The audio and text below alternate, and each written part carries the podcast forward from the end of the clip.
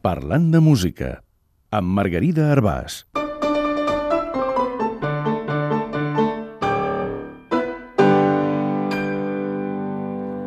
Frere Jaca i la litotomia. Gairebé tothom coneix el frere Jaca, o germà Jaume, un monjo que ha passat a la posteritat pel fet de ser un pèl mandrós.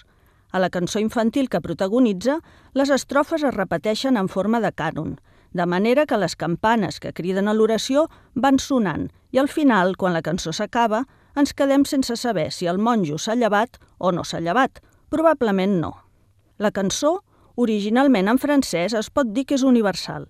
Té versions en moltes llengües i més d'una versió en català. Hi ha diferents teories sobre què vol dir. Alguns defensen que critica la vida que feien els frares dominics. D'altres opinen que originalment es burlava dels jueus o dels protestants, i altres estudiosos han investigat si aquest famós frere Jaca podria ser un cirurgià litotomista del segle XVII. Litotomia ve del grec litos, que vol dir pedra, i temno, que vol dir tallar. Frere Jacques Beaulieu es dedicava a això, a tallar per treure pedres de la bufeta. Era un litotomista. En aquella època, els cirurgians no tenien ni el prestigi ni els mitjans tècnics que tenen ara, i Frere Jaca oferia els seus serveis de manera ambulant.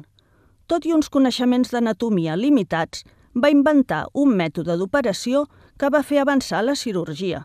Es diu que en 19 anys d'exercici va operar uns 4.500 malalts de pedra i uns 2.000 d'hèrnia. La relació entre els dos freres jaques, el de la cançó i el que treia pedres de la bufeta, no s'ha pogut confirmar. Tampoc sabem si el compositor Marem Marè va ser intervingut pel frere Jacques cirurgià, però al compositor li van treure una pedra i té una obra titulada justament Quadre de l'operació per treure un càlcul, que narra com si fos una auca cantada, ni més ni menys que una operació per extreure càlculs renals. No em direu que no és un tema ben curiós.